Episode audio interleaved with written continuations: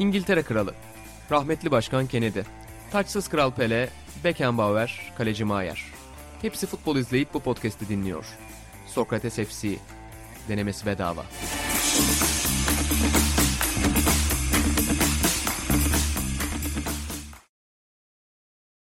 B takımının katkılarıyla hazırladığımız Sokrates FC'nin yeni bölümüne hoş geldiniz. Ben İnan Özdemir, Burak Balaban ve İlan Özgen'le birlikte buradayız. Hoş geldiniz arkadaşlar. Selamlar. Ee, Merhaba. Şu an bir şey unuttuğumuzu fark ettim. Yani. Tam Nedir? da en, introdan sonra. Atam bana bir şey tembihlemişti bugün. kamyon mu? Yeşil kamyoneti unutmayın. Masaya koyun demişti ama e, girişten sonra hatırladım. Üçümüz de kendimizde değiliz ondan. Yani Ben- buraya e, biraz Bize vaat, vaat edilen saatten bir buçuk saat sonra kayda başlayalım. Özdemir 3 yıllık bütün planlarını iptal etmiş vaziyette duruyor. Ona verin. Ben açım. Yani tehlikedeyiz. Özür dileriz zaten. Bu programdan her şey çıkabilir. O yüzden de açlık e, sınırında yapılan bir program çünkü. Doğru. Fakat bugün kamyonetle ilgili bir gerçeği fark ettik. Lastikler dönmüyormuş kamyonette. Tabii, tabii. Gitmiyormuş Aa. kamyonet. Ben gidiyor sanıyordum. O zaman 300'den fazla etmezmiş. 400 lira mıydı? 500 lira 400 mıydı? vermiş. Ama 500 biz diye 500 anlatmışız. tarihe 500 diye 500 yazdık. diye geçti. Evet. O yüzden de yani gitmeyen bir kamyon olduğunu bugün fark ettim ben o kamyonun. E, Aras o konuya bakacak. Yani o konuda o lastiklerin nasıl çalışacağına dair bir sorgu içinde. Merak edenler vardır. Bu hafta rotasyon gereği değil Atan. Yani aslında rotasyon da yapıyoruz ama Atan bu hafta bir araştırma içerisinde geçen hafta Evet. yaptığı konuşmalar şehir şehir gezerek hem financial fair play hem de kuru yemişleri Kuru- sorguluyor baba. Bugün de Zürih'te. Neymiş mafyasıyla beraber. Aynen. o tek marka nasıl ele geçirecek? Ve inan o gün podcast'te de söyledi. Ben yani uzun süre hangi kuru yemişçi, şuradaki kuru yemişçi nasıl Evet. bir koşullanma muazzam bir program. Yani hiçbir kuru yemişçinin olmadığı bir yerde örnek onun üzerinden verilmişti baba. Bugün de geldi 3 dakika durdu. Buğra'yla bir şey konuştu ve sonra yola çıktı. Vefalı bir dost. Yola çıktı. Geldi acelem var ama dedi uğrayayım dedi. Uğradı dinledi ve gitti. Hakikaten bir acayip bir şey. Buradan da kendisine selam olsun. Sokrates FC dinleyicilere ve in- izleyicilerine de selam olsun tabii ki. Bizi yalnız bırakmıyorsunuz. Özellikle ben şeyleri çok seviyorum. Video keste gelip podcast'te hala dinleyenler şey yapıyor. Like atıp çıktım. Aynen eksik olmasın. Müthiş. O tadı bırakmak istemiyorum. Evet çünkü bazıları hala dinlemek istiyor. Çünkü birkaç kişiden de yorum aldım. Bütün sır bozuldu. Hani biz tabii İlhan Baba çok şık ama biz sizleri daha şey hayal etmiştik falan filan diye. O yüzden ki daha önce de ek- insanları da bütün sır bozulduğu için baba podcast'ten dinlemeye devam edenler var. Atağına biri şey yazmış. İlhan abinin sesi görüntüsü sesinden 20 yaş gençmiş. Halbuki bayağıdır bir YouTube'a da çıkıyoruz ama yani Evet. ilginç. Ama daha İlginç. farklı yani bir de YouTube algoritması öyle bir algoritma ki baba bir programı izlemediği zaman seni sen sonsuza kadar unutuluyorsun. Yani seni hiç göstermiyor bile. Aynen. Artık bir de çoğu insan ana sayfadan izlediği için yani kanala gelip bakmayan Doğru, insan için doğru. ana sayfaya düşmediği an herhangi bir video yok. Garip bir cehennemin içindeyiz. O yüzden dünyanın en zengin adamının elinin altındayız aslında. Yani dünyanın en zengin birinci adamıyla ikinci adamı ne istiyorsa onu o yaşıyoruz. savaşın ortasında. Ahir Onu zaman işte yaşıyoruz. kuru yemişçilerde elinde E, sonunda. ne kazanıyorsan O kar işte. bir parçası. Ne kazanıyorsan kar. Burada çok önemli bir soru var. İki program önce, benim olmadığım üç program önce bir şey gelmiş. Sadri Alışık nickli izleyicimizden gelmiş. İyi senior izleyicisidir Sadri abi. İlan Özgen ne, yakış, ne giyse yakışır mı be? Adam kazak giyiyor yakışıyor, takım giyiyor yakışıyor, tişört giyiyor yakışıyor, yeter demiş. Bunu çok soran var baba. Giyinme sırların nelerdir? Yani ne bileyim öyle bir sırrım yok. Bir tane sırrım var ama. Nedir? Çok az marka ürün alıyorsun.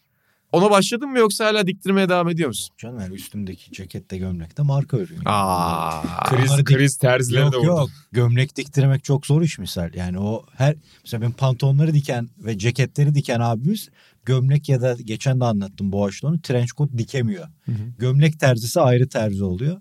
Onları da yani ben açıkçası böyle içim içime sinen bir gömlekçi bulamadım bugüne kadar. Öyle bir şey yok. Onun için onlar marka oluyor. Hmm.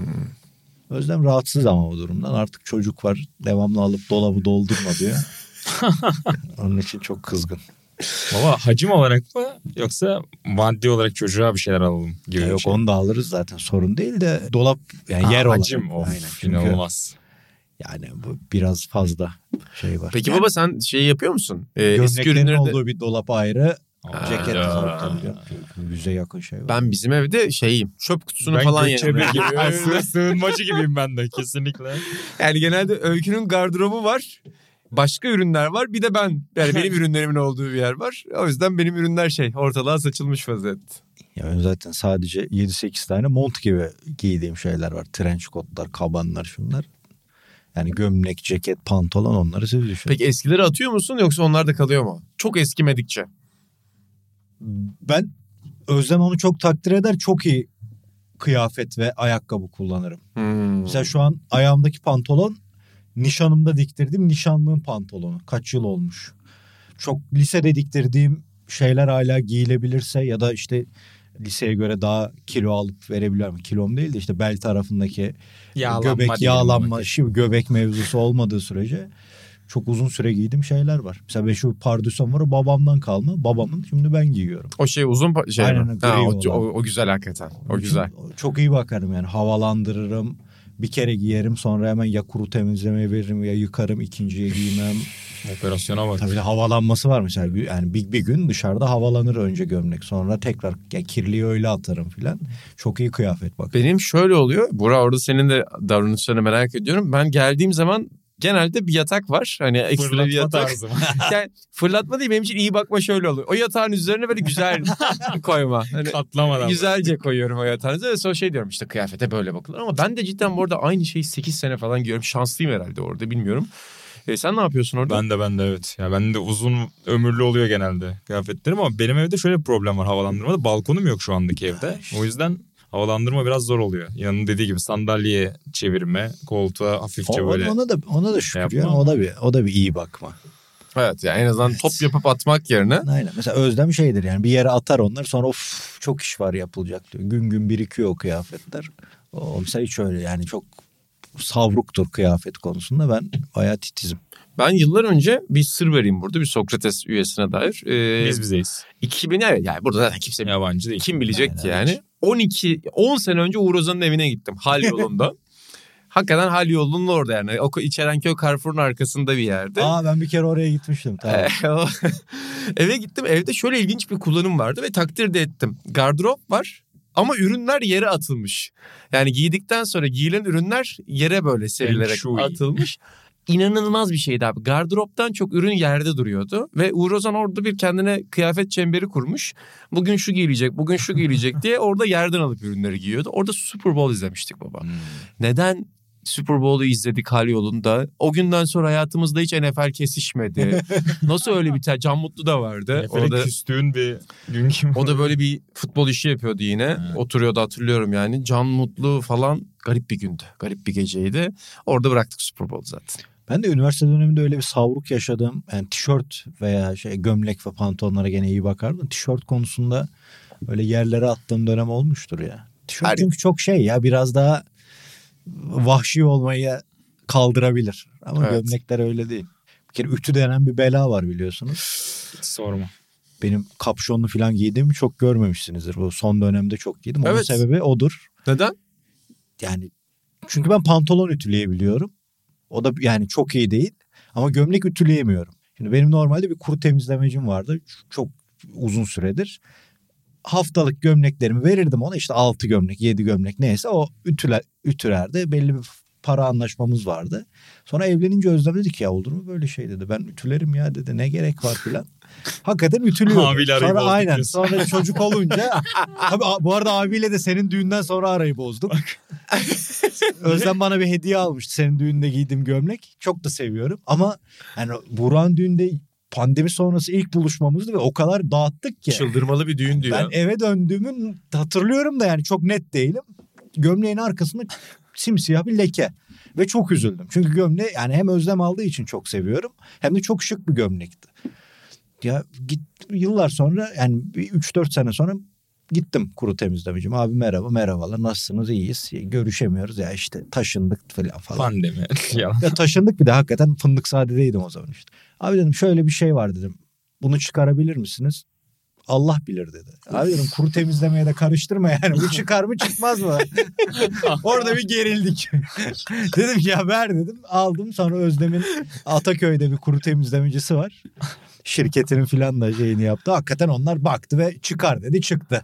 Ondan sonra da bir daha uğramadım abi. Ah be baba. Small talk'un kurbanı olmuş adam ya. Esnaf çok kötü. Aynen bir de ben yani bir de baba do- doğrucudur yani. Baba e, şey de yapar. Mesela ben orada tamam abi derim şey yaparım ama baba orada konumunu korumuş. Ki sen de bak bütün ev işlerini seversin ütüyü sevmiyorsun baba. Ya bir de gömlek Yani yemekte abi. falan delisin Aa, yani. yemekte. Tabii gece Aynen. filan şimdi çocuk yüzünden yük olmasın diye yemekler ben de yani gece filan bayağı bir keyifle yaparım. Hiç öyle zulüm de gelmez ama Bir ütü olayında yoksun. inanılmaz bir şey abi. Bir ara denedim yani Özlem'e yük olmayayım ben halledeyim yakada bitiyorum da.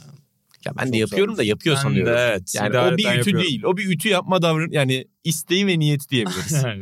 O O, değil. o yola çıkıyoruz ama yolun sonuna çok varamadan genelde hikayemiz bitiyor. Yani Peki- Özlem'e de zulüm geliyor ama o yapıyor yani. Ona da keyifle yapmıyor. Yoksa benim annem Özlem'in annesi onlar makine gibi onlar acayip Bu o bir başka seviye. bir ekol Aynen. ya. Yani Cumhuriyet insanı ekolü gibi o bir, bir ütü sevdası var yani inanılmaz bir tutku var. Buradan da hiçbir bağlantı yolumuz yok e, spora dair ama biraz da futbol Ütü diyeceğim. çılgınlığından transfer çılgınlığına diyebiliriz hani B takımıyla. Evet. Transferi yalnız birazdan konuşacağız. Şimdi önce size bir soru sormam lazım. Sor. Önce size bir soru sormam lazım. Kısa ya da uzun bakarız buna tekrardan ama sevgili arkadaşlarımızdan ki bu hafta şey de çıkmış e, Samsung'la birlikte burada kendisine dair yazılan yorumları da okumuş Can Önduyku. Güzel Süper Lig tweetleri atıyor baba fakat olay da çıkarıyor ara ara. Mesela Vegors'la ilgili bir tweet atmıştı. Bin kere alıntılandı o tweet sonra. Dün de Icardi ile ilgili bir tweet atmış kendisi ve Icardi bu lige gelmiş ya tabii hafif de mübalağa yapıyor. Bu lige gelmiş geçmiş en iyi kafacı herhalde Fatih Tekke'den sonra. Kimse Fatih Tekke kadar iyi kafacı değildir demiş. Ki Icardi yine acayip bir gol attı. Yani yine o imzası olan ters köşeye kafayla bıraktı. Ben böyle bir şey görmedim. Yani maç izlerken artık şey şeyi biliyorum yani. Bir noktada Icardi bu golü atacak ama ne noktada atacak demeye geldi. Önce senden bir Icardi başlangıcı yorumu alacağım. Sonra biraz sevdiğimiz kafacılar üzerine. Yani illa şey yapmak zorunda değiliz sohbet edelim istiyorum biraz ufak da olsun. Evet yani beklentinin çok üzerinde başladı ve hani biraz böyle görece geç bir transfer sonuçta sezon başında. Son dönemde hep tabii ki akıllara Falcao geliyordu. Hı hı. İşte Fenerbahçe'de Mesut geliyordu. Yani isim büyük en iyi dönemi geride kalmış. Sonuçta çok büyük bir kariyer. 2010'larda iki kez Serie A'da gol kralı olmuş bir oyuncudan bahsediyoruz. Ama artık o dönem bitmiş sanki artık sadece para ve maddiyat üzerinden kariyerin geri kalanını geçirecek gibi düşünülen bir dönem vardı. İşte ben böyle düşünüyordum ne olursa olsun. Ee, ama hakikaten ilk birkaç maçın ardından özellikle işte Kadıköy derbiyi de çok böyle baskın oynadı. Orada çok büyük bir imza oldu bence. Ondan Ya önce hala Evet. soru işaretleri bence biraz vardı. Hani atıyor ama hani acaba mı deniyordu bence ama oradan sonrası Fenomen oldu oradan geldi sonra zaten. Dediğin gibi hani galibiyet serisinde muhakkak etkisi var ama e, evet yani sadece kafa golü olarak değil, kafa becerisi olarak değil, genel forvet yeteneği ve saha içi etkisi olarak da bence herhalde tepelerden birine yazacağız. Gerçekten öyle. Baba sen böyle bir yani daha yeni istikrar kazandı. Çünkü daha önce e, henüz çok forma bulamamıştı Galatasaray'da ama oynadığından beri yani ligin kaderini değiştiren oyunculardan biri oldu şu anda bu sezon itibariyle. Burak'ın bahsettiği çekince bende şöyle vardı. Kullanması hep çok zor bir forvet oldu bence. Yani mesela gelip de top alıp kaleye yönelen bir oyuncu değil. Pivot gibi kullanamazsın. İşte rakibe basmaz. Ama o topu oraya bir türlü geçirdiğinde gol atacağından çok emindim. Çünkü yıllarca bize bunu izletti Inter'de. Ben Fransa'yı falan çok takip edemedim de Inter gibi ama Inter'de uzun süre hatta bir Signor ne diyor'un ilk sezonda da söylemiş olmam lazım. Özellikle turnuvalarda keşke İtalya milli takımını seçseydi dediğim çok an olmuştur. Çünkü topu orada oynadığın zaman o topu kaleye nasıl atması gerektiğini çok iyi bilen bir oyuncu. Hakikaten ben muhteşem bir golcü. Bug biliyor gibi ya böyle Aynen. değil mi? Bug'ını biliyor yani Son, futbolu. yani mesela bir tane Türkiye'de kime gol attı özür dilerim ben yani orada hatırlayamayacağım da herkes şeyi keşfetti sonra Milan'a attığı golü koydular. İşte defansı uyutuyor sonra bir anda koşuyu yapıyor Hmm. ve işi bitiriyor. Ya bu İtalya'da attığı birçok golde o koşuyu bulabilirdik. O gün Milan maçında sanırım kamera ona özel bir kamera vardı ve o golü pat yakalamıştı. Maça da hemen koymuşlardı. Yani bu bu yani onun imzası. Yani golcü olmayı, golcü davranışlarını mesela hep 80'lerde 90'larda bu tip golcüler çok revaçtayken bir oyuncu olsaymış çok büyük efsane olurmuş diye hep düşünürdüm. Ama zahmetli bir oyuncu benim sık kullandığım tabirle. Galatasaray ona alışabilir mi ondan emin değildim ve alıştığını gösteriyor bu kadar ikonik e, işlere imza atıp işte fenomen olma yoluna gitmesi. Gerçekten Yani çok zaten yani İng- Arjantin milli takımı için de hani gerek kalmadı. Ben zaten Arjantin'in fena bir kadrosu olmadığını düşünüyordum da hani her turnuvada orada oynadığım bütün maçlar için Vegors'ta geliriz birazdan. Yani 20 dakikada transfer yapacak kadar sükse yapmış bir adamın Şimdi Icardi'yi öbür tarafa koyuyorsun ya sıkıntılı maçlarda üretemediğin maçlarda kesinlikle bir şey çıkarabilir. Çok acayip bir yeteneği var o. Gerçekten acayip bir yetenek ya. Milli takım hikayesi de ilginç baba. Küçük yaşta İspanya'ya geliyor. Evet. Ee, hani Messi'den de küçük hani Messi 14'te Barcelona geliyor mesela. O çok da erken geliyor dediğin gibi Barcelona. Hani o yüzden böyle Avrupa'da İspanya olabilir ya da İtalya'da olabilir. Başka milli takım tercihi olabilirmiş aslında. E, son 10-15 yıla bakınca da hani Arjantin'de pek de kumaş tutmadı. Çok da Evet. oynayamadı zaten. Güzel olabilirmiş hakikaten. İşte İspanya'da sonuçta forvet sorunu yaşadı. Hani Torres'ten sonra o verim alamadı, Villa bıraktı. Tabii. Morata'ya kaldın aslında. İtalya zaten bunun sorununu. Hani Kim Immobile- Morata'yı bile ilk 11'de oynatmıyorsun yedekten sokuyorsun. Tabii, tabii. Yani aslında 4-5 oynuyorsun orada yani. Aynen öyle. Orta saha 4-6 oynuyorsun orada. 4-5-1 Kesinlikle. bile oynamıyorsun yani. Kesinlikle. E, İtalya'da Immobile kulüp kariyeriyle her zaman fark yarattı ama hiçbir zaman milli takım onu yansıtamadı. Dediğin gibi enteresan olurmuş hakikaten. Yani. Şeye de Galatasaray'a geldiğinde de burada konuşmuştuk. Torreira'ya çok şaşırmıştık Buğra'yla. Torreira'ya. Icardi öyle demiştik. Yani hem kariyeri düşüşte hem de kullanması zor oyuncu yani. Onu nasıl Mertens'e de aynısını demiştik hatta. Ama yani çok iyi iş çıkardı gibi. Gerçekten çok, öyle. Gibi yani. Bakalım oraya o gitti servisi mi? alınacak mı şu anda? Galatasaray taraftarı onu bekliyor Buğra. Hani orada da bir iddia var. İşte o arada böyle Paris'e gidiyor bir şey için. Şey, herkes bir korkuyor Galatasaray taraftarına gidecek mi diye. Çünkü şey olarak bakılıyor şu anda. Süper Lig'de hala bir kopma yok. Fenerbahçe'de geliyor yani yakında Fenerbahçe'de ama Galatasaray kaybetmiyor ve ya Icardi sahada varken hep bir çözüm bulacakmış gibi görünüyor takım. Ya top oraya gittiğinde Icardi o çözümü bulacakmış gibi duruyor yani. Evet o bitiriciliği fark yaratıyor dediğin gibi. Transfer olarak da ve tabii şimdi Weghorst örneğini de yeni yaşamışken o da yani bence çok hani ligin çok üzerinde bir forvetti ve öyle adımlanacaktı uzun süre ama erkenden hikaye bitti. Manchester'a gitti. İşte Icardi öyle bir şey olur mu? Yaşta çok 33'ler değil daha 29 yaşında. Hala hani birkaç sezon. Bazen şaşırıyorum ben bunu bu arada. Yani oyunculuğu çok duyduğun zaman ve oyuncunun işte Evet, doğru. kariyerini çok göz önünde yaşadığın zaman şeyi hissediyorsun. Ya bu oyuncu çok daha yaşlı gibi hissediyorsun mesela. Yaşı iyi aslında. Adam Evet, otobiyografisini 23 yaşında mıydı yazdığında? Öyle bir otobiyografi yazdı ya İşte ki. zaten biraz anlatıyor adamı. Yani özel hayatıyla da hep olumlu olumsuz ön plana çıkan bir oyuncu olduğu için herkes o tereddüdü ortaya koyuyordu. Ama hani o bazen bu coğrafyalar iyi de geliyor ya bazı oyunculara. Hani öyle bir sanki kumaş da tuttu gibi. Şeyi takipte misin baba? Sededitleri takipte misin yapılan klipleri?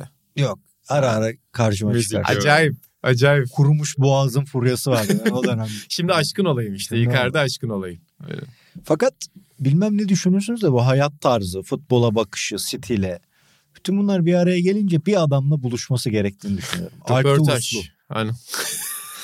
Benim aklıma başka bir adam geldi. Atan ama. mı? Aynen. İşte bu ikiliyle Amigos, Sumani Uman- Jeneris üzerine bir sohbet bekledim Ama, ama. ama evet. Ya yaşayış... Alpto da enteresan olurdu. Ya evet Alptu da enteresan Evet. olur baba. Enteresan. Peki Icardi diye bir başlar. Acayip sorular yöneltir. Ha, gerçekten öyle. Yakında Florya'ya. Evet. Düşünsene tesislerde. Aa, Peki baba Alptu yani Vatan genelde değişmiyor. Thierry ile değişmemişti. Acaba Alptu Icardi ile hayatını değiştirir mi? O da değiştirmez. mi? Ya Alptu'nun hayatı atan gibi bir hayat değil. değil mi? Alptu senin benim gibi bir hayat. Sadece Mazut şey yani. hani bak olaya bakışı bizi çok güldür. Yani Evet. özellikle bir gün inana bir şeyi vardı uyarısı hayatımda moralim bozuk olduğu her an aklıma getirip güldüğüm öneridir. İnancım dikkatli ol diye başlayıp acayip bir bilim insanıdır. Aynen öyle. Geçen de uzun ince boyluların akciğer sorunu yaşadığına dair bir şey almış. Kahramana soruyordu. Baba yazayım mı Whatsapp'tan? Ne diye yaz dedim. Danıştım. Kahraman da ciddi ciddi cevap veriyor baba onlara. Hem ciddi hem de arada şeye alışıyor yani. Geyik tonuna alıştı artık.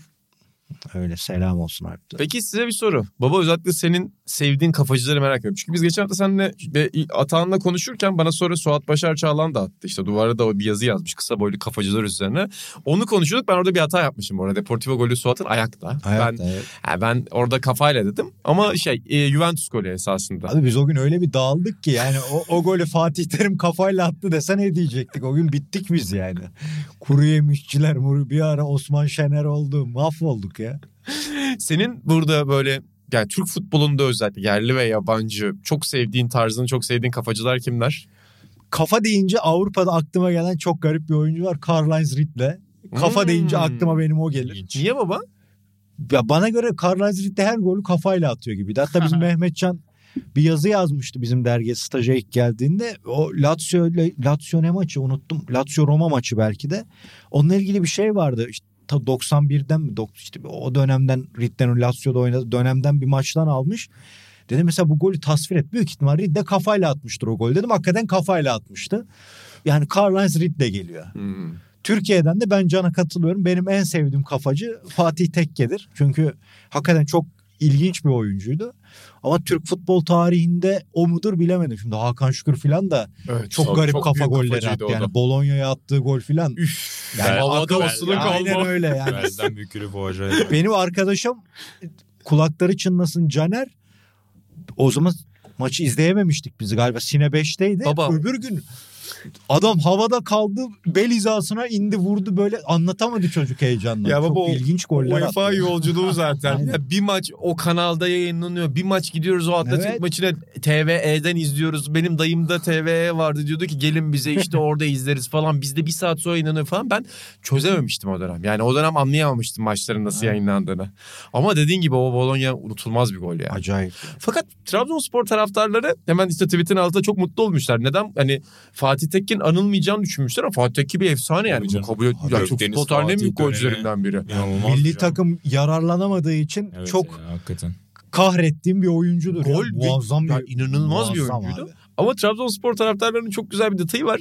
O kadar bazen kötü pozisyon alıyordu ki diyorlar. Yani herif inanılmaz bir kafacı olduğu için her yerden çıkabiliyordu diyorlar.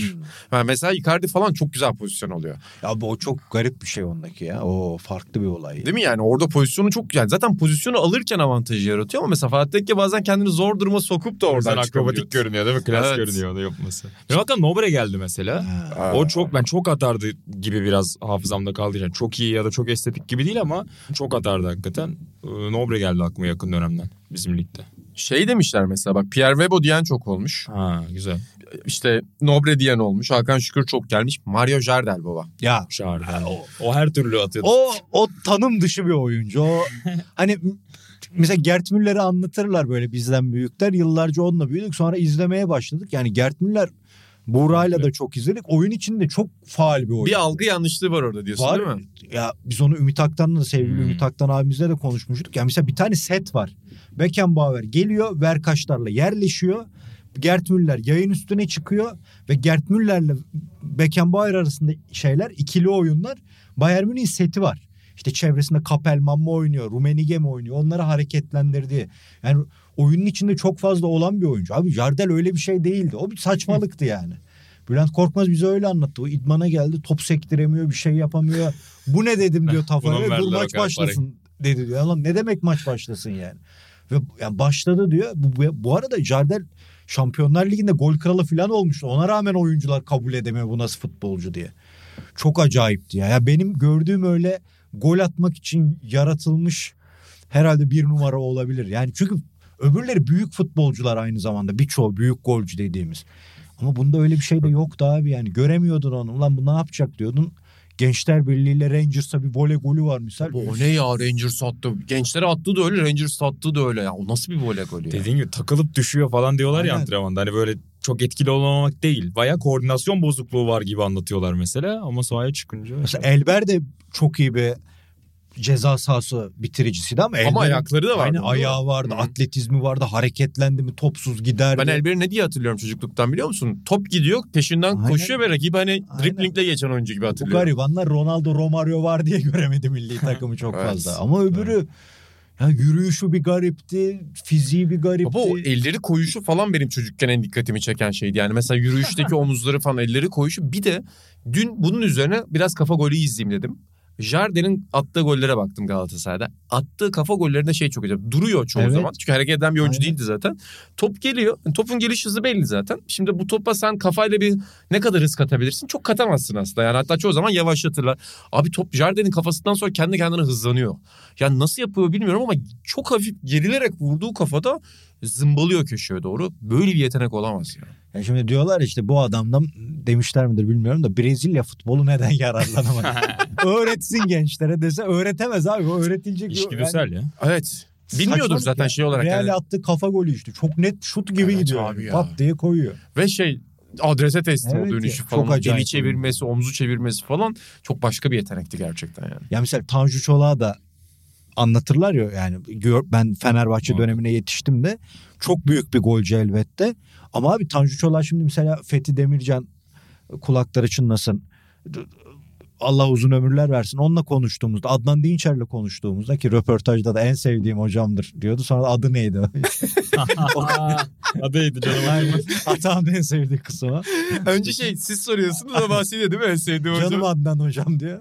Çok iyi insandır Adnan Dinçer diyor. Pırlanta gibi bir hocadır. Bana da çok şey kat. Sonra hocamın adı neydi? Onu da aramadım. Bu bir de diyor ya şey hocalar hocalar ben varım diye var. Ben onları yarattım. O bölüm de çok güzeldi. O, o ikisi de şey diyor Samsun Spor'daki ilk dönemi için. Yani o zaman daha on numara özellikliydi. Oğuz Çetin de aynısını anlatmıştı. Daha hareketliydi. Topla daha iyiydi. Sonradan tembelleşip sadece ce- ceza sahası golcülüğüne gitti.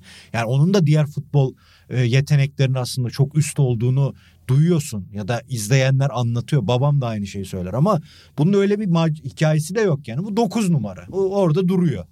Ya Tanşolak Röveşata'ya falan bir atletizm gösteriyor fiziğine rağmen. Ya bunda o da yok dediğin gibi. Zıplayıp kafa vurduğunu ben öyle çok hatırlamıyorum. Evet. Duruyordu. Durduğu yerden Aynen. zımbalıyor o. Çok ilginç. duruyordu. Bir anda çıkıyor. Çok garip oyuncuydu.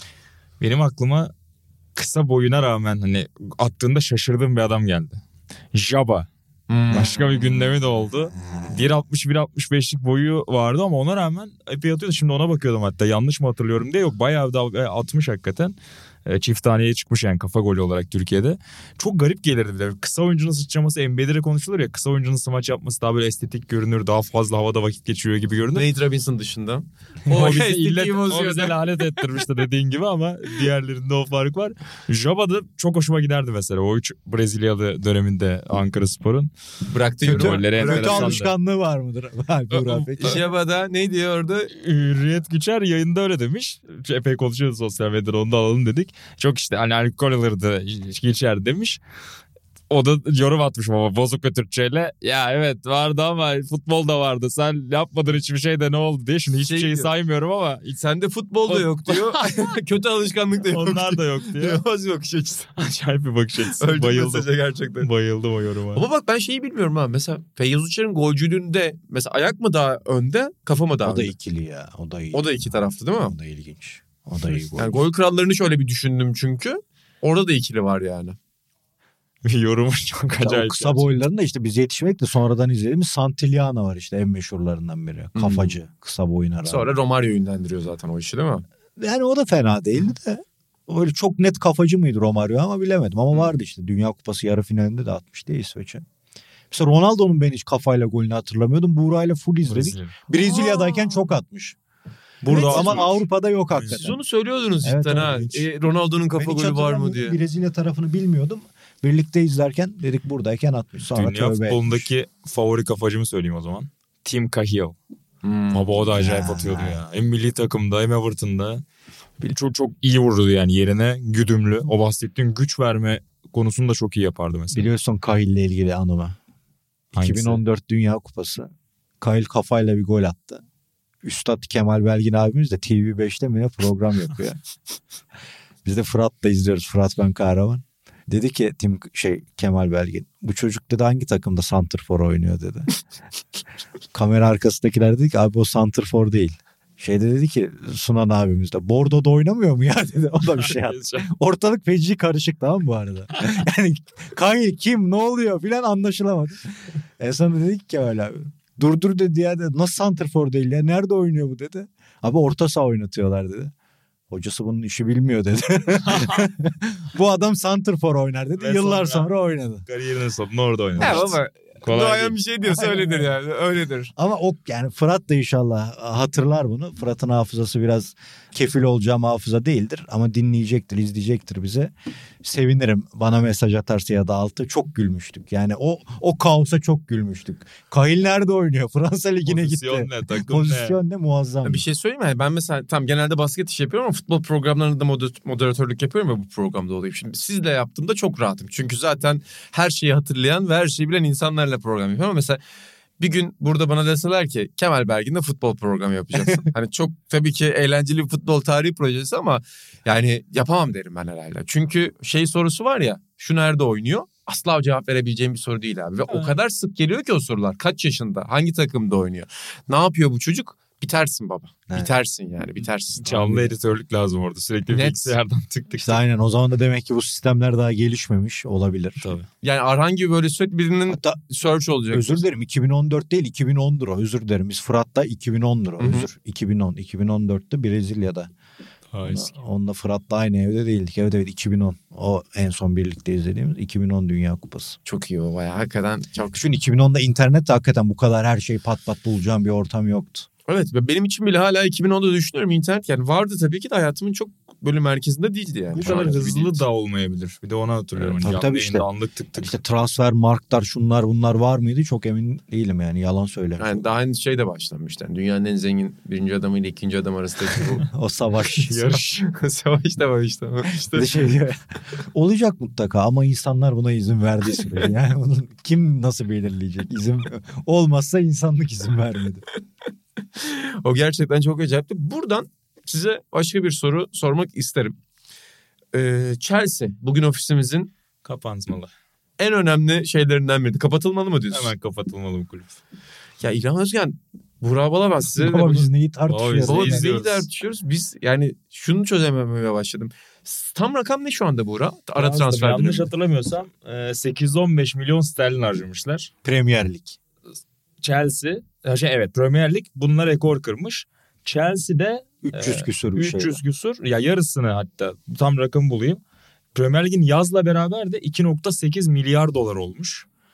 Yani Bu nasıl fair, acayip nasıl şey. play ya? Chelsea'ninkini de söylüyorum şimdi. Benim Milan'ın bir tane kaleci alıyor yedek. Bu gerçekten acayip bir şey ya. ya. Bu gerçekten acayip bir şey yani ve şey bugün Guardian'da bir not vardı. Orada şey yapıyor. Hani artık futbolla da ilgili şey denir ya. Hep öyle. Tabii de hani futbol bir entertainment işi. Hı. Şey diyor. Premier Lig'in e, Chelsea'nin ara transfer döneminde harcadığı parayla Disney'in 12 günde harcadığı para aynıymış. Tamam Disney de inanılmaz para harcıyor da abi Disney yani. Bin tane yapımın içinde 50 tane platforma iş yapıyor falan filan. Ya bu akıl almaz bir para ya. Sadece Enzo'ya zaten yüzün üzerinde verdiler. Tabii canım. 110, 110 milyon 130 İngiltere rekoru. 110 milyon 130 pound mu? verdiler. 110 mu 130 mu?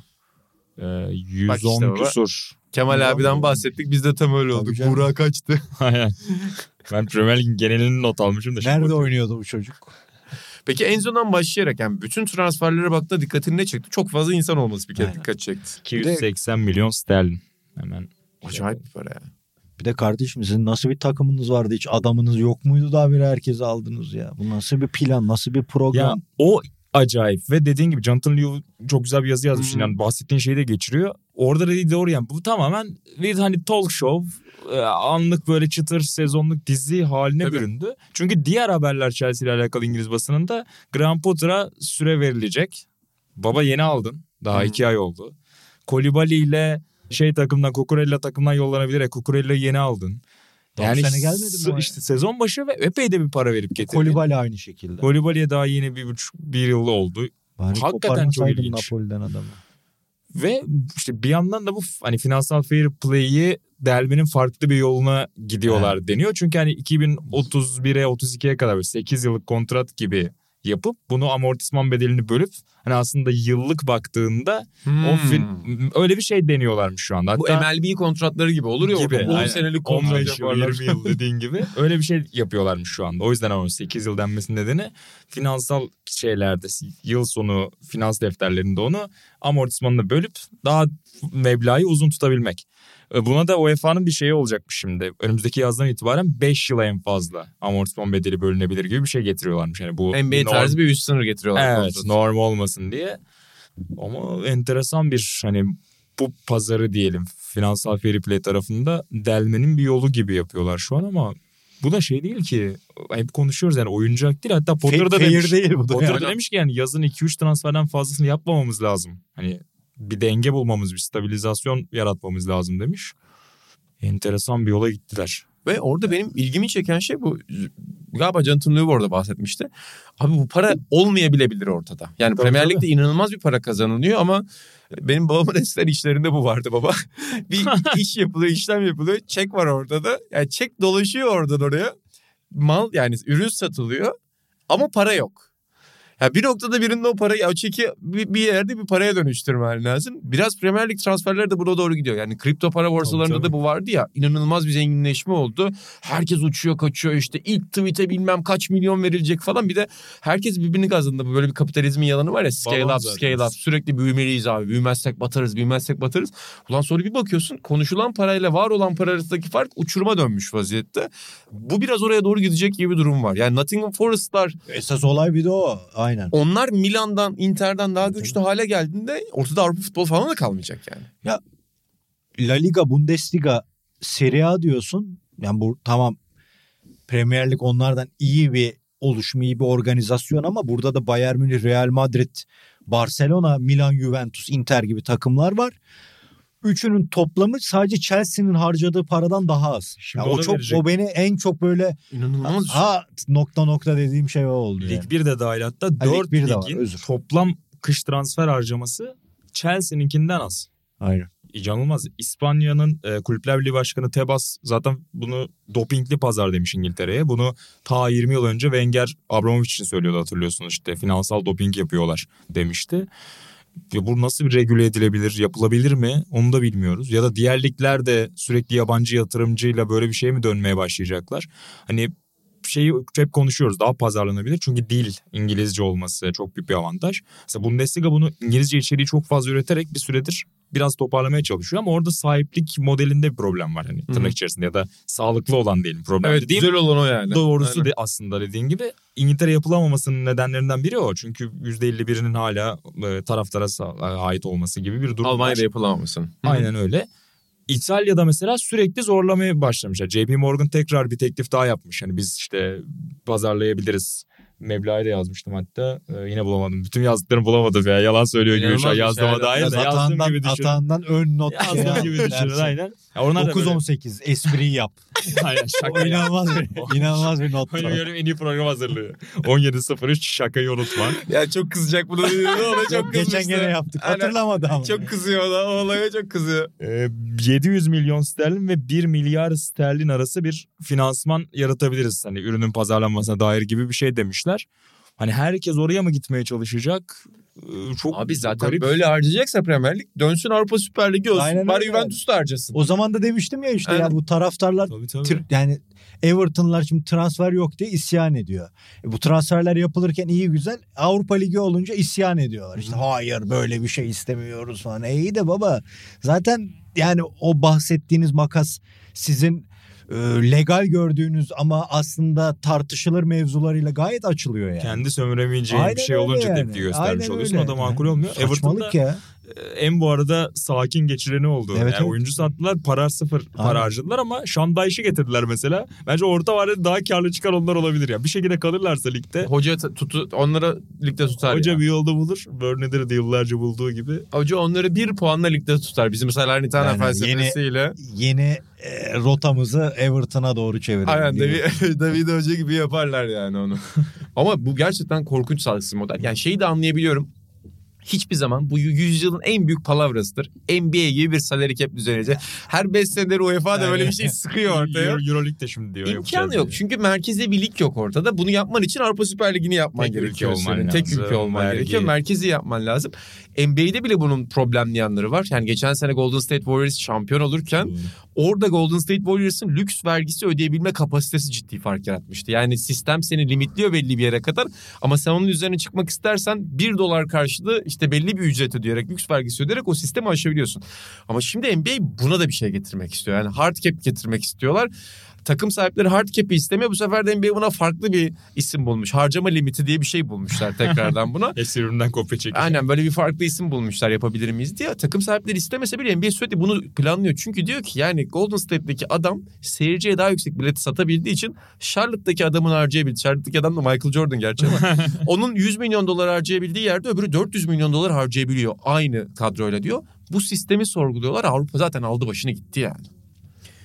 Ya Orada en azından tabii ki adaletsiz ama şöyle de bir şey var ya inan yani o lüks vergisi dediğin şey ekstra harcanan para diğer takımlara dağıtılıyor Evet. ve en azından Olabildiği nebze- kadar adil. bir nebze o adaleti sağlayabiliyorsun ya da işte Aynen. draft sistemi zaten bunun çok büyük bir kaynağı ama şu an burada iş tamamen kopmuş durumda. Hakikaten Yani Chelsea birinci örneği oldu bunun ama Nottingham diğer takımlar da yapıyor ya. canım bu. Ya, Avrupa lokalinde konuştuk az önce. Caner abi dedi bir de sene başında yaptığı transferlere bak. Yani Bir de sadece 30 burada kalmamış. Evet, yaptılar. evet. Hani kadro değiştirdiler neredeyse. Acayip. sıfırdan. Bu arada NBA dediniz. Bunu paylaşmam lazım. Sayın izleyiciler, dinleyiciler. They Call Me Magic belgeseline Aynen, denk geldiğiniz yerde izleyin. Böyle bir şey olamaz. Ben daha izlemedim ama. Yani göndereyim izlerseniz seve seve. Magic Johnson'da yoktur link şu an. Aynen ben de. Acayip bir şey. Yolla baba sen bize. Çıldırdım, delirdim. Yani dünya spor tarihinde bir tarza sahip olmak istiyorsun seç deseler seçeceğim tarzdır o oyun stili. Çünkü Metin Özge'nin zaafı olan basketbolcudur kendisi. Bizde ben onun bir dönüşünü dönüşünü hatırlıyorum da öyle tam o fit zamanını çok sonradan izleyebilmiştim. Lise lisede filandım galiba. Böyle NTV mi vermişti bir şey olmuştu böyle. Aklım gitmişti. Sonra izledik bütün o Showtime dönemi finallerini filan ben bir hatmetmişimdir. Yani öyle de olunca daha da belki objektiflik dışına çıkıyorum ama acayip bir şey. Baba şey çok acayip. Yani arada mesela videoları düşüyor önüme. İşte Magic Johnson fast break'e çıkıyor. Klibi yapmışlar mesela. 8 dakika. Arkaya ne müziği koyarlarsa koysunlar. Yani herhangi bir şey koyabilirler. Kurumuş yani. boğazım da olabilir. Kurumuş boğazım olur. işte aşkın olayım Aşkın olayım. olur. Her şey olabilir yani onun arkasına. Ya izliyorsun ve anlamlandırmaya çalışıyorsun. Yani çünkü sporda tekrarlanan bir sürü şey var. Bir sürü oyuncunun benzeri oluyor. Bir sürü oyuncunun böyle daha bir replikası çıkıyor ama Bird'de de aynısı var ve insanlar onları hep böyle beraber aldığı için sanki bir döneme aitmiş ve o dönemde birlikte oyunları bitmiş gibi görüyor. Ama bu iki insanın oyun zekaları ve sadece zeka da değil. Sonuçta her, her zaman zeka deyince sanki bu oyuncuların fiziksel kapasiteleri yokmuş gibi davranıyoruz. Maçın 40. dakikasında bile o yorucu atmosferde, Garden'da klima çalışmazken, parke ter damlarken o karar verebilme kapasiteleri, uygulanabilme kapasiteleri inanılmaz. İkisini de sadece fast break'i bırak post-up'tan oyun kurma yeteneği basketbol tarihinde yok. Böyle bir şey yok yani. Böyle bir oyun yok yani. Acayip bir şey. Onun için yani Bir de bas ailesi bas ailesi yani. ya yani kadeh kaldırıyorum. Aynen. Öyle diyeyim. Her bölümünde öyle ayağa kalktım. Defalarca izlediğim maçlar var. Paslar var. Orada ayağa kalktım. Kadehimi kaldırdım. Kurguya ayrı. Her şey Amerikalıların-. Arşivciliğine ayrı. Larry Bird'le oynadıkları All American şeyleri var ya. Hmm. Lise, kolej, milli maçları gibi diyelim yani. Karma. Aynen. Dostluk oyunları oynuyorlar. Küba ile falan aynen. böyle o dönemin doğru Orada işte bir nolluk ya. pas üzerine konuşuyor. Bird de bana onu yaptı diyor. Pat onu koyuyor. İkisi Ee, birbirine bir ona veriyor bir aynen. ona veriyor bitiriyorlar. O acayip ikonik pozisyon yani. No fear, magic is here. O Amerikan sloganı da beni. Aynen. Karim'in sakatlan. Beni en çok etkileyen az önce Buğra'yla konuştuk biraz. Karim'in demans babasının yanlışlıkla otobüse binme anısı var. Orada Pat Riley'nin maç konuşmasını değiştirmesi ve kurgunun bir anda Magic Johnson'ın babasıyla olan ilişkisine dönmesi. O babası yani ne- neyse ben anlatırım. Massacre'da şey, şey diyorsun. Bu fark edikleri maçtan sonraki otobüs şeyini diyorsun. Jeff Van Gundy onu hep anlatır. Sonra onun Hep anlatır. yani Magic'in oğlu olayına bağlanması son bölümde işte oğlunun olayını siz daha iyi biliyorsunuz. Orada onu kabullenme aşaması. Üçte üçüncü bölüm AIDS olayı Püf, yani çıldırdım ama yani o bas yani ne zaman görsem inan da arada bana gönderir be. 45 dakika fast break'e çıksın. Yani akıl almaz bir Sonsuza şey. kadar çıksın baba fast break. Yani her o adamları izlediğimde ya ben bu basketbol izlemeyi niye bıraktım diye kendime kızıyorum. İzlemeye oturuyoruz. İnan Özdemir mikrofonla Gordon Hayward'ın ayağı Biz de Gordon babanın acısına Aynen. gibi olduk da babayı ben basketbola küstürdüm. Dinleyicilerimiz biliyordu. Tekrar yani. yani hayır hayır. Yani Aynen. zaten küsmüştüm. Brandon Dönüyordum. Roy'la. Ben o gün öyle bir dramanın içinde yer aldık ki Orkun Çolakoğlu ile birlikte İlhan Baba bana mesaj atmıştı. Yani inan ben izleyemem artık dedi. Yani son gün o gün oldu ama o da neydi be? Yani neyse oraya tekrar girmeyeceğim. Geçen Petra ile bir kitap yazmış şimdi. İşte Karim bence gelmiş geçmiş en büyük oyuncu diyor o iddiasına göre. Ve işte şimdi Lebron'un rekoru yüzünden Karim tekrar da konuşulmaya başlandı. Güzel de oldu. Şey detayı çok hoşuma gitti. O da bak ne kadar zaman ilerisinde olduğunu gösteriyor. Herkes normal çalışırken diyor Karim daha 80'lerde yoga yapmaya başlamıştı Evet diyor. ya Ramona Shelburne'dan dinledim. Abi ne acayip bir şey ya. Yani ne acayip bir şey. Sen 80'lerde tabii ki yani spor bilimi gelişmiş 80'lerde öyle çorak topraklar değil de herkesten önce ben nasıl 40 yaşıma kadar oynarımı tasarlıyorsun. Ve 10 yıl önce ligin imajı hani oyuncular ne tür alışkanlıklarla devam etmişler. Daha 10 yıl içerisinde sen kendini onlardan sıyırıp ki 70'lerde lige giren bir oyuncusun. Çok sıra dışı. Yani profesyonelleşmenin en büyük örneklerinden biri o. Magic Johnson da o profesyonelleşmenin üzerine bir marka kimliği katma, yeteneği pazarlama yani hep o Michael Jordan'ın o pazarlama üzerinden söylenen şeyinin ilk öncüsü olma olayını başarıyor. Acayip bir şey yani. Mesela Jordan da var belgeselde. Onun hala o rekabetçiliği ama ona duyduğu saygı. işte Isaiah Thomas'la olan çatışmaları her şey var ve dediğim gibi bu işi biraz da hani ucundan biz de yapıyoruz ya hem yazı hem belgesel işi olarak.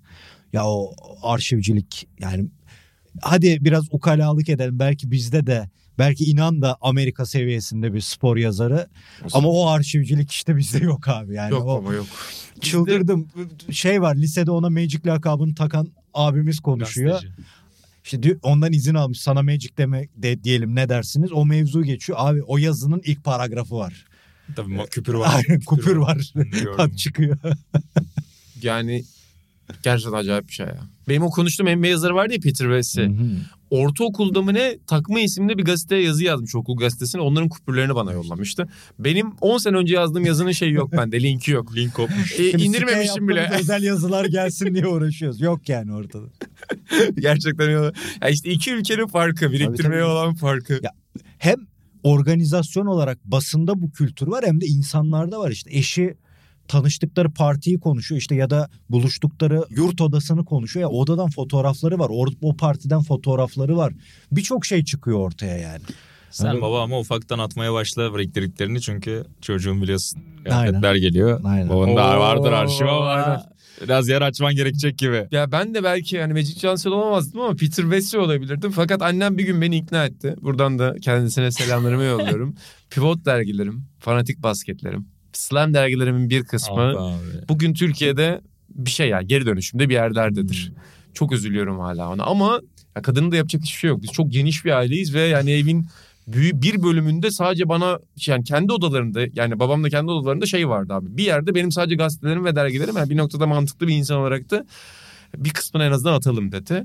Ee, üzülüyorum ama arada ya. Aynen Üzülüyorum yani. doğru. Üzülüyorum. Şeyi soracağım size orada bu arada. Ha şeyi önerecektim. Buran'ın yazdığı çok güzel bir e, Kesinlikle Bird Magic yazısı 80'ler vardır. ben de çok severim o yazıyı. 80'ler yazım sayımızda. Lütfen onu okuyun efendim. Şu anda sitemizden girip okuyabilirsiniz zaten Burak Balaban'ın yazısını. Hatta Originals'ta da Originals serisi içerisinde de. Evet, e, Efe Tatlıcı da onun videosunu da yaptı dediğin gibi. Ben de Çok izlerken hep Buğra'nın şu notu aklımda döndü durdu yazıdaki. Bu yaşam tarzına rağmen Magic Johnson'ın devamlı portakal suyuydu değil mi onun şeyi? İçmiyor diyorlar. Çünkü particiliği var bir dönem felaket. Yani inanılmaz Evet. yani bu adam nasıl AIDS oldu sorusu bu kadar sormuş Amerikalılar niye sorduysa. Ama onlar şeyden sormuş o da var. Bir dönem sadece eşcinsel hastalığı o mevzular Reagan var ya öyle 80'lerde. pompalıyordu. Aynen. Evet çok büyük bir Ee, cehalet evet, var evet, çünkü o- ve o onu Burak'ın notu çok doğru. Ronald Reagan'ın politikaları Kesinlikle. İnsanları o zaman kriminalize ediyor Evet, eşcinseller onun Amerika'da. etkisi hala devam ediyor. Korkunç yani Amerikalı aktivistlerin o mücadelesi inanılmaz. Onun yüzlerinden biri Orada oldu da zaten. onun rolünü çok güzel anlatmışlar. Yani her şey basitçe geçilen ha bak bunu da yaptı bunu da yaptı değil her şey temeliyle nasıldı nasıl oldu? NBA oyuncuları nasıl daha sonra para kazandı basketbolu bırakınca iş insanı olunca hepsinin cevabı alttan alttan geliyor böyle çocuğuyla olan ilişkisi onun durumunu kabullenmesi bu gerçekle yüzleşmesi babasıyla ilişkisinden çalışma durumu küçüklükten beri çalışarak sen tamam istediğini yaparsın ama çalışarak bunu hak etmelisin. E, mottosu üzerinden falan çok güzel işlemişler. Hakikaten yani bayıldım. Ama benim yani konuyu değiştirdik belki benim o tip belgesellerde adamım şeydir ya. Hayat benim için. Ahmet Raşat. Yine Aa, çıkmıştı her bir yerlerden. Var mıydı? yok yok. Var mıydı? Yok muydum? Acayip her spora dair. Her Koyacağım yıldıza baba. dair Ahmet Raşat'ı koyacaksın. anlatıyor. Oraya konuşsun. Abi ne, ne soralım? Sorun Ahmet'e anlatır. Geçen bir yine etkinlik vardı. E, Jordan vardı etkinlikte. Ulan Jordan olduğu yerde her yerde Ahmet Raşat var. Sadece o konuşabiliyor çünkü onunla. Güzel açtım baba. Biz de kıskandırdın Burak değil mi? Vallahi. Sen izleyecek misin? İzledin mi? E, Konuştuk izleyemedim daha da izleyeceğim ama. Hatta evet bir e, box office mi yaparsak falan bir. Peki ıssız bir adaya düştünüz. Bird mü Magic mi? Çok zor soru. Kimi alacaksınız? Ya Bird biraz şey yapabilir. Huysuzluk yapabilir baba orada.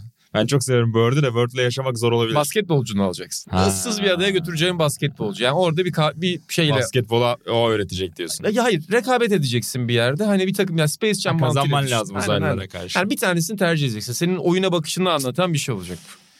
Kazanmaya Bird'le giderim herhalde ya. Ben Bird'le giderim herhalde. Ben dedim ben Boston Celtic diyeyim. Sat 1'de mi ne Batman'a taşındığımız sene o sahayı görüp kahramanla bu kararı almıştık. Çok sevmiştik. Ha. O parkenin rengini Efsane ve yeşille ya. uyumunu.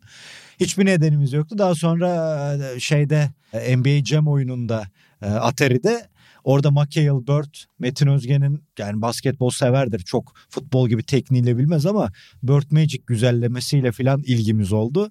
Dediğim gibi ben Boston Celtic'i tuttum hep. Ama dediğim gibi yani bir sporcu gibi oynamayı e, seçeceksem spor tarihinde yani futbolda Maradona falan olmak istemem. Hmm. Ama Magic Johnson gibi oynamayı ya acayip bir şey abi. O yani çok artistik ya. Ya Çok Larry artistik. Bird dediğim gibi çok doğru diyor. Ha, o şey pasları Ya, falan. Bir de bazen şeyi görüp bir tane anlayamıyorsun ya. pası var ya of, ye- yere düşüyor. Ya onlar çok zor o şiddeti ayarlaman. O çok zor Peki bir fut- pas yani. futbolda bunun cevabı kim ki sende? O da çok zor. Yani bir O da oyuncunun, yok, bilmiyorum. bir oyuncunun mesela. stili gibi mesela var mı senin öyle bir Hmm. stili? Franz Beckenbauer. Ben hep Henry'e öyle özendim ya. Hep o ayak içi uzağı vurmaya hala da deniyorum. O yüzden hep benim cevaplarım o. Diyorsun. Çok güzel bir cevap. Çok artistik açısından Rivera ben olabilir. Yani çok artist. Şeyde yani Onun büyük, da fast break'e çıkma Aynen. gibi benzerliği var aslında. çok büyüklerden yani babalardan Franz Beckenbauer'dir ya. Ya keşke sen onu demeseydin ben onu çalardım. Tam benim isteyeceğim Çok hayat. Yani futbolcu, duruş. Eskilerden tabii ki. Aman, Futbolcu hayatı olarak ama sen Nets'leri seçerdin bence. Tabii canım. Baracchio O, falan. o da topçulukta Hem olur ya. topçuluğu Çok harika. güzel şey. Ama ben Sokrates'i seçerdim. Hakikaten. Bitti. Ama düşünüyorum bak stil olarak Magic'i alabilirim hakikaten ha basketbol tarihinde de ama yok. ya. Düşünüyorum şu anda. Kim olabilir? Kim olabilir? Mesela ben oradan şeyli pistol Pete falan da işte mesela ondan dolayı sırf onun gibi. Hmm. Tabii Magic onun daha ileri modeli de. Çok ileri modeli aynen. Çok, çok o da çok büyük bir canım. sihirbaz da. Futbolda da düşünüyorum zor cidden ya. Ya Mesela şeyi olabilir de. anlatıyorlar özür dilerim inan. Hani dedik ya sadece zeka olmuyor dedin ya az önce. Mesela dönüşünü anlatıyorlar. Kurt Rambis diyor galiba. Ya diyor zekasını belli ediyordu ama atletizmi yoktu artık döndüğünde diyor. Onlar da çok önemli abi. Yani sadece zekayla onu oynayamazsın. Atletizm de gerek. Yani diyoruz ya Ronaldo çok çalışıyormuş. Ya tamam da yeteneği olmaz. Biz de çalışalım Buğra inan. Aynen 300 milyon için ben de çalışayım 8-9 saat top oynayayım da yani yeteneğin olmadığı sürece o adam gibi bir işe yaramaz. Burada da birçok şey birleşiyor. Karar anı birleşiyor, atletizm birleşiyor. Çok fark ediyor. Çok zor çok zor bir yere götürdün beni. Düşünüyorum hangi futbolcu olurdun diye. Yani yani forvet olsam Deniz Bergkamp da çok şık cevap ya. Hmm. Bergkamp'la oynamak da keyifli olurdu. Yani öyle bakmak futbola. Bir de biraz daha ben rekabetçi olmaya çalışırdım. Bergkamp da çok rekabetçiydi de daha kendine has bir karakterde. Biraz daha öne atmaya çalışırdım kendimi. Evet biz halı sahalarda inanılma bu ara kazanma iştahına dair büyük sohbetler yapıyoruz. Baba evet. Kazanmak istemeyen oyuncularla oynamak. Ben kazanmak istemeyen oyuncuya sinirleniyorum baba. Yani gerçekten sinirleniyorum. Geçen bunu Buray'la da konuştuk. Savaşmak lazım baba. Böyle olmaz yani. Kesinlikle. Böyle olmaz yani. Ama şeyi seçiyoruz yani öyle top oynamayı seçiyoruz. Yoksa ben seçiyoruz. futbol kariyeri ise Zof olmak isterdim. Hmm. Yani ikon, baba Evet. ama o oynamak o yani gene çok başka yere gittim izlerken acayip bir şey ya. Sonra açtım bugün NBA bitmişti. Yok Ama ya basket. Ben Çok yok hiç acayip. olmak isteyebilirim o o zaman. da oyun güzel tarzı olarak. aynen. Ee, o da güzel. Çok iyi cevap abi. Ve oyuna bakışın da çok acayip bir bakış. Yani şeyi bilebilmek Magic ve Bird'de de var aynı zaten. Doncic'te de var. Lebron'da da var da. Hani bir pozisyon sonra ne olacağı bırak. Onu bir sürü oyuncu yapabiliyor. Üç pozisyon sonra şu olacak. Ben buna göre takımı kurgulayayım. Senin Son yazıyı açtığın Aynen, oyun var ya işte Evet. savunmanın dengesini bozma, mismatchlerin üzerine bir plan yapıp oyunu ona göre kurma. Ya şey çok acayip. Sen şuraya gel diyor. Savunma onu görüyor. Hücum onu görüyor. O oyuncu oraya geliyor. Buna rağmen boşluğu buluyor yönet. İnanın son yok yazısında onun hani okurken böyle gözünde canlanıyor gibiydi gerçekten. Çok da güzel bir yazıydı. Orada evet aa, tekrar izleyince de o videolarını ya diyorsun hakikaten. Milan Inter derbisine de buradan O iki İtalya'dan takıma da bol şans dileyelim? Tarihin kısa bir soru. Tarihin en kötü derbisi mi olacak? Kesinlikle. berbat iki Milan. takım, korkak iki antrenör. Ya bir şey izlemeli miyiz o derbide? Şuna bakalım buna bakalım bir şey değiştirecek mi Milan reaksiyon verebilecek Evet, mi diyelim. Çünkü son derbiyi kötü kaybettiler. Ondan beri de 3 yiyorlar, 4 yiyorlar, 5 yiyorlar. Hatta geyik yapıyor James Horncastle sırada 6 yemek var herhalde bu maçta diye. E, çok kötü durumda giriyor Milan olabildiği en Derbi kötü tarihinde durumda. en büyük farkı 6-0'dır. 2000-2001 olması lazım. Cesare Maldini'nin olduğu sene.